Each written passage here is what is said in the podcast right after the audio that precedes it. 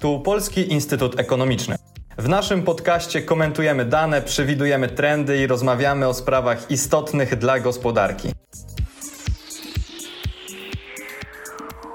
A dzisiaj porozmawiamy o tym, czym są nauki behawioralne, dlaczego są ważne z perspektywy każdego z nas i czy ich wykorzystanie może poprawić na przykład prawo.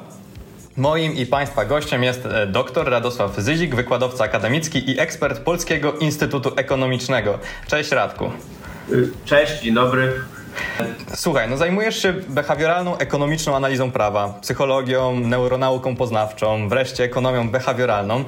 Mm, I czy tak w dużym skrócie e, można to uprościć do tego opisu, że uwzględniasz po prostu czynniki psychologiczne, społeczne w podejmowaniu na przykład decyzji gospodarczych? Czyli mam tu na myśli to, że weryfikujesz tradycyjną teorię ekonomii e, opartą na teorii tego racjonalnego wyboru. Tak i nie. To znaczy, z jednej strony na pewno tak, bo e, generalnie u, w swojej pracy uwzględniam e, to, czego dowiadujemy się o tym, jak ludzie podejmują decyzje, e, jak się zachowują, jak formują oceny z innych nauk, e, takich jak właśnie psychologia poznawcza, socjologia, teoria decyzji ale też nauki ewolucyjne. Y, I to jest, y, to jest jakby ten pierwszy etap weryfikacji tej klasycznej teorii ekonomii, czyli przygląda, przyglądamy się temu, czy rzeczywiście ludzie są tak racjonalni, tak wolni w swoich zachowaniach i wyborach, no i tak powiedzmy skoncentrowani na osiąganiu własnych interesów, jakby się mogło wydawać, ale też y, no, liczba badań jest już tak duża, że możemy rozszerzać nasze zainteresowanie już poza taką klasyczną ekonomię, czy poza teorie mikroekonomiczne, bo generalnie w tej nowej nauce o zachowaniach są kluczowe trzy pojęcia, bo to jest z jednej strony ekonomia behawioralna, czyli właśnie taka nauka interdyscyplinarna łącząca psychologię i ekonomię, gdzie się bada wpływ y, czynników psychologicznych, społecznych, ale też nawet ewolucyjnych dzisiaj, bo już mamy takich wybitnych ekonomistów behawioralnych, który, którzy się tym zajmują, na, właśnie na zachowania, na, na decyzje gospodarcze, czy w ogóle istotne z punktu widzenia szeroko rozumianej ekonomii. Mamy też stosowane nauki behawioralne, czyli to jest już coś bliżej praktyki, czyli, czyli to są te wszystkie nauki, które my możemy wykorzystać, żeby przyjrzeć się naukom, yy, decyzjom w politykach publicznych na przykład. I jakby na końcu tego procesu, czyli mamy najpierw ekonomię behawioralną, stosowane nauki behawioralne, są interwencje behawioralne, czyli te wszystkie rezultaty wdrożeń, które my proponujemy, no, żeby usprawnić pewne procesy, czy to w gospodarczy, czy w prawie, yy, czy w politykach publicznych. I generalnie te właśnie te interwencje behawioralne mają na celu mm, ułatwienie ludziom podejmowania decyzji. Ale też wspominałeś, że ta liczba literatury, badań, które powstaje jest jakby coraz większa i dzisiaj już mamy dostępną ogromną ich liczbę. E, ja też jako osoba troszeczkę z zewnątrz i nie śledząca na bieżąco literatury naukowej, też zauważyłem, że w taki popularno-naukowy sposób przedstawiony jest nam ten e, behawioralizm, nauki behawioralne, e, bo coraz więcej zwraca się uwagi na takie elementy. Co więcej, powstają książki, seriale, które też po części opowiadają zarówno o behawiorystach, ale też właśnie o naukach behawioralnych. Więc czy po prostu to jest tak, że to weszło teraz do mainstreamu? E, jakby, czy teraz się skupiamy i rzeczywiście cały świat i ekonomia e, w przyszłości będzie kręciła się wokół tego? E, Richard Taylor kiedyś powiedział, że nie można, nie można przekonać nikogo do ekonomii behawioralnej z wykształconych ekonomistów, trzeba korumpować umysły młodych. I on, on to robi w swojej praktyce akademickiej.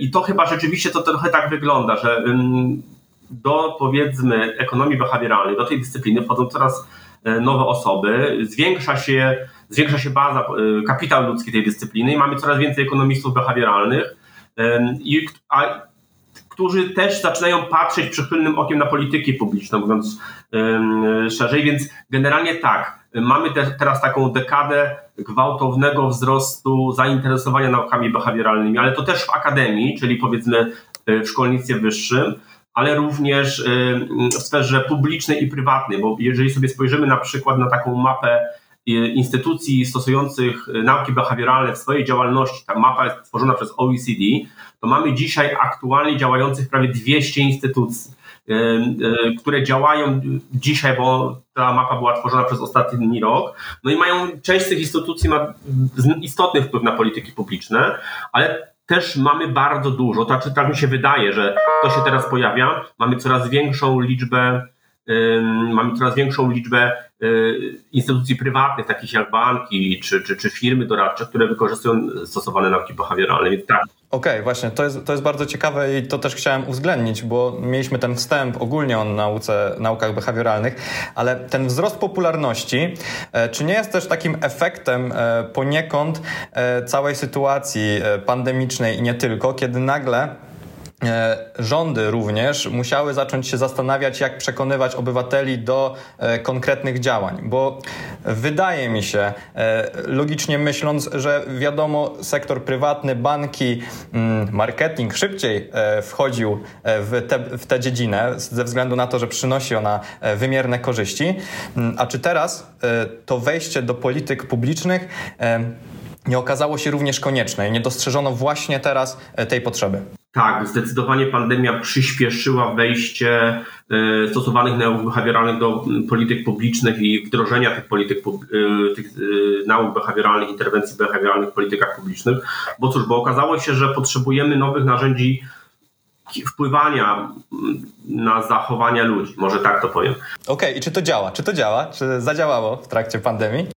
Tak, y, czy to za, odpowiedź jest oczywiście to zależy, bo to jest taka ekonomii, y, akademicka i bezpieczna odpowiedź, ale część rzeczywiście, y, część rzeczywiście interwencji behawioralnych zadziałała, część, część badań pokazywała, co na pewno nie zadziała i to też było do, dość niezłe osiągnięcie, czyli czego nie możemy długofalowo stosować, bo to się odwróci przeciwko nam, czyli na przykład straszenia społeczeństwa, prawda? Nie możemy stosować, choćby się wyda, wydawało, że to jest taka domyślna, do, domyślny sposób oddziaływania na społeczeństwo w warunkach pandemii, że jak będziemy straszyć, to y, społeczeństwo będzie się bardziej stosować do zasad, no właśnie, do tych niefarmaceutycznych interwencji, prawda? Czyli izola, izolacji, dystansu społecznego, y, noszenia masek, a okazało się, że no, część tych rzeczy nie działa, więc y, tutaj stosowane nauki behawioralne z jednej strony zidentyfikowały takie rzeczy, które rzeczywiście pomogły w pierwszym etapie pandemii wpływać na zachowania ludzi, po drugie, udało się pewne rzeczy usprawnić, jeżeli chodzi o szczepionki, dzięki wykorzystaniu stosowanych nauk behawioralnych. Po trzecie, yy, no, przedstawiciele na nauk behawioralnych podpowiadali, podpowiadali, co nie działa, ale również na podstawie tych informacji, które mieliśmy z poprzednich pandemii, a część, część interwencji po prostu też nie działała. To też trzeba powiedzieć, że jednak nauki behawioralne to nie jest panaceum, które rozwiązują nam wszystkie problemy, no tylko to jest jedno z narzędzi, które dzisiaj stoją, wydaje się, że już na własnych nogach, obok nakazów, zakazów, dozwoleń czy bodźców ekonomicznych. Jasne. I dzisiaj te aspekty behawioralne są istotne nie, nie, tylko już z perspektywy tej pandemii, która z nami trwa i jakby okazała się, tak jak wspominałeś, e, tym punktem zwrotnym, który jeszcze szybciej wprowadził e, nauki behawioralne do polityki publicznej, ale ogólnie mm, wracając do ekonomii behawioralnej, bo też ostatnio zauważyłeś na Twitterze, e, że wszystko jest względne i że jak się okazało, że mimo wysokiej inflacji e, ona była niższa od tej, która wynikała z konsensusu ekonomistów, no to okazało się, że jest pozytywny nastrój w narodzie. I czy rzeczywiście wszystko jest względne i jakim sposobie to się przydaje, na przykład w wykreowaniu polityk publicznych? Tak, to znaczy ja nie wiem, czy wszystko na świecie jest względne, ale ja mam takie gdzieś, powiedzmy taką zawodową, zawodowe przykazanie, że wszystko ma znaczenie, jeżeli się patrzy na pewien na pewien problem, czy w politykach publicznych, ekonomicznych, zdrowotnych, czyli to, to ma, ma znaczenie również e, to, jak gdzieś liczby się pojawiają na początku naszego planowania, e, sposób sformułowania problemu, sposób wykonania problemu, liczba, liczba stron w arkuszach, absolutnie, rzeczywiście wszystko ma znaczenie. I teraz, jeżeli chodzi o inflację, to, mm, to tak, y, jeżeli sobie spojrzymy na, na oczekiwania inflacyjne z punktu widzenia no, stosowanych nauk behawioralnych czy ekonomii behawioralnej, to rzeczywiście kontekst ma znaczenie i to jest generalnie podkreślane absolutnie w ekonomii behawioralnej, niemal w każdym podręczniku, dlatego że kontekst zmienia nasze punkty odniesienia. Czyli to są takie punkty, y, od których my wychodzimy żeby ocenić, czy coś jest korzystne lub niekorzystne, czy coś jest stratą, czy coś jest zyskiem, a nawet czy coś jest sensowne albo niesensowne. Więc jeżeli mamy na przykład taką sytuację, no właśnie, jak z naszą inflacją teraz, że przewidywał bodajże konsensus rynkowy był 9,3%, okazało się, że inflacja będzie 9,2, ale też było część głosów, że będzie dwucyfrowa inflacja, a wcześniej jeszcze mieliśmy odczyt z Czech, gdzie ta inflacja wystrzeliła, to nagle się okazało, że ten, ten nasz 9,2% to jest w sumie całkiem niezła inflacja. I był taki, był taki moment na Twitterze, że w pewnym momencie wszystko e, zaczęliśmy, e, czy część e, opinii publicznej zaczęła mówić, ok, nie jest tak źle, prawda? A gdybyśmy się cofnęli 3 lata do tyłu, i ktoś by nam powiedział, że mamy inflację 9% czy 8%, to byśmy mówili, że jest katastrofa, prawda? Więc tak, punkty odniesienia się zmieniają. I to jest bardzo istotne, jeżeli chodzi o politykę, czy monetarną, ale w ogóle politykę, politykę gospodarczą i zdrowotną, bo też no przecież jak spojrzymy na liczby zakażeń, prawda, mówimy 22 tysiące, o jak jest mało już, okej, okay, schodzimy z górki, jest fajnie, prawda, a dwa lata temu y, w marcu, jakbyśmy mieli 22 tysiące zakażeń, to byśmy to nikt by nie wyszedł nigdy z domu. Więc y, tak, punkty odniesienia się zmieniają i te punkty odniesienia wpływają na nasze decyzje i na nasze oceny tego, co jest y, sensowne, niesensowne, korzystne, niekorzystne, co jest ryzykiem albo stratą. I nie da się od tego uciec. Ja wiem to po sobie, bo ja doskonale rozumiem te mechanizmy, które stoją za moim myśleniem, a jak zobaczyłem wczoraj odczyt inflacji, to mówię, okej, okay, nieźle, prawda? Więc dokładnie, nie, dokładnie. nie da się od tego uciec. Jasne. E, a powiedz mi, troszeczkę zmieniając temat, co ludzie cenią w życiu? Ojej, jakie pytanie. A czy to jest w ogóle, to, to jest pytanie, które jeszcze myślę 10 lat temu w ogóle nie padło w, dysku, w takim podcaście, a dzisiaj y, pytania o to, co, co sprawia, że ludzie są szczęśliwi, czy y, co sprawia, że y, życie ludzi ma sens, są jak najbardziej akceptowalne w ekonomii, czy w ekonomii behawioralnej, bo gdzieś do, zaczynamy dostrzegać, tak mi się wydaje przynajmniej, przynajmniej na podstawie literatury, którą ja czytam, że liczby, no właśnie, na przykład PKB, E, czy, czy wskaźniki bezrobocia, czy zatrudnienia, to nie są liczby, które opisują całą naszy, naszą rzeczywistość e, i nie powinniśmy się tylko i wyłącznie do nich dostosowywać, planując różne rzeczy w politykach publicznych. No bo tak, bo teraz jest pytanie, co jest celem polityk publicznych, prawda? No, żeby ludzie Właśnie, żeby byli bogaci, czy żebyśmy mieli duże PKB, czy żeby ludzie byli szczęśliwi. I generalnie zaczęto osta w ostatnim czasie, no to już jest tak naprawdę już kilkadziesiąt lat, ale ostatnio, ostatnie 20 lat to jest taki renesans wskaźników, które pokazują nam inne wymiary życia ludzkiego, czyli na przykład poczucie sensu, czy well-being, czy zadowolenie z życia, które na, na przykład u nas bada CEBOS.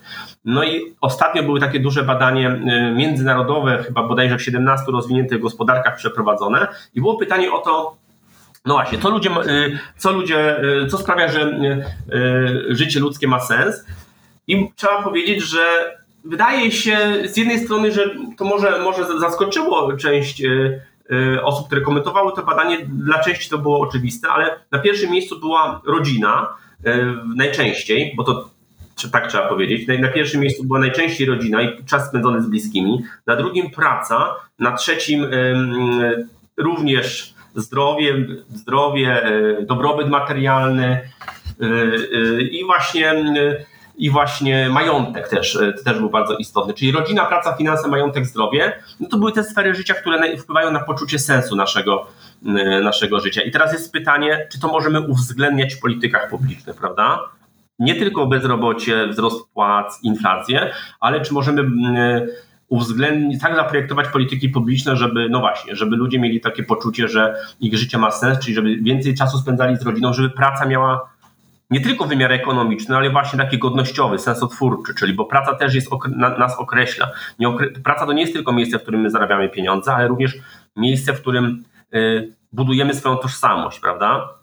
To jest takie rozwiązywanie dwóch pieczeni też na jednym ogniu, z tego względu, że e, jakby skierowanie i nadanie sensu tej pracy też wpływa pośrednio na zdrowie, to jak my podchodzimy do życia, ten well-being, który jest, więc jakby no tutaj korzyści można się doszukiwać wielu. Tak, i teraz na przykład zobaczmy, mamy dyskusję o cztero, y, czterodniowym tygodniu pracy i z perspektywy tego badania możemy na to spojrzeć. I okazuje się, że z jednej strony praca jest super istotna, a z drugiej strony bardzo istotna jest rodzina.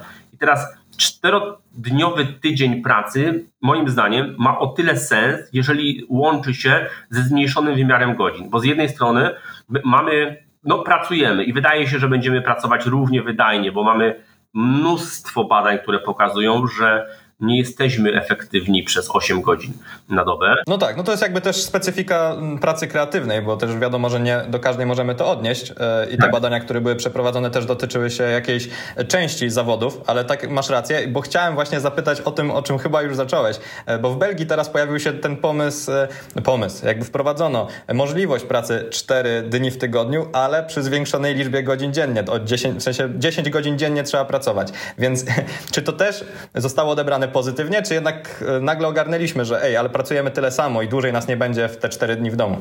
Wydaje się, że, e, wydaje się, że ten, e, ta, ta, druga odpowiedź jest e, pozytywna. To znaczy, u Polsce też są takie firmy, które wprowadzają ten tryb pracy, czyli 4 dni po 10 godzin, ale jeżeli, jeżeli się spojrzy na badania dotyczące well-beingu czy poczucia sensu, to my raczej chcemy pracować, awansować, rozwijać się, chcemy, żeby nasze firmy dobrze funkcjonowały, zarabiać pieniądze i jednocześnie spędzać więcej czasu z rodziną. Więc takie przeniesienie 10 godzin w 4 dni to wydaje się, że no mówiąc kolokwialnie, jest to suboptymalny sposób organizacji pracy nie, nie wydaje mi się, żeby to była jakaś wielka rewolucja. Jeżeli będziemy, a pewnie będziemy zmierzać w kierunku czterodniowego e, tygodnia pracy, to będziemy jednak e, kierować się w stronę mniejszego wymiaru godzin, mniejszej liczby godzin w tygodniu, w tych czterech dniach też to, i, to, i to jest raczej uzasadnione badaniami właśnie z punktu widzenia i well-beingu, i poczucia sensu.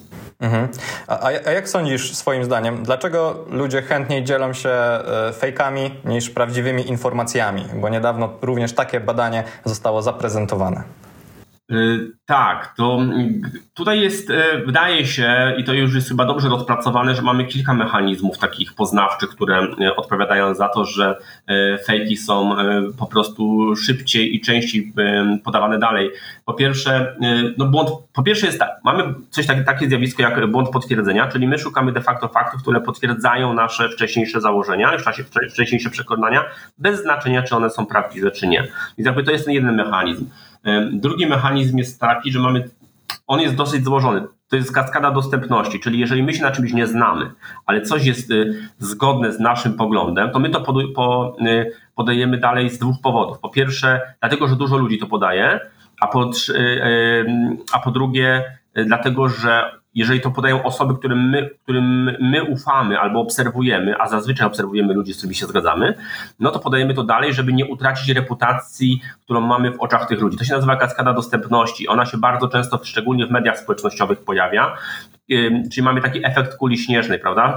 Funkcjonujemy w bańkach. Te bańki to są, no, one są konstruowane w oparciu o podzielane przekonania przez osoby w tych bańkach. Więc jeżeli się pojawia fake news, który jest zgodny z tymi bańkami, a szczególnie jest jeszcze e, emocjonalnie e, e, nacechowany, a zwykle fake newsy są bardzo podkręcane emocjonalnie, no to ujawniają się te spontaniczne mechanizmy, mechanizmy przekazywania danych, czyli, czyli kaskada dostępności, heurystyka dostępności, błąd potwierdzenia, no i tworzą się narracje w związku z tym, prawda? Znaczy tworzą się e, fejkowe narracje, a też musimy pamiętać, że te narracje, one wpływają na rzeczywistość, to znaczy one wpływają na zachowania i decyzje i, i oceny ludzi. Tak też mieliśmy w przypadku na przykład szczepionek, prawda?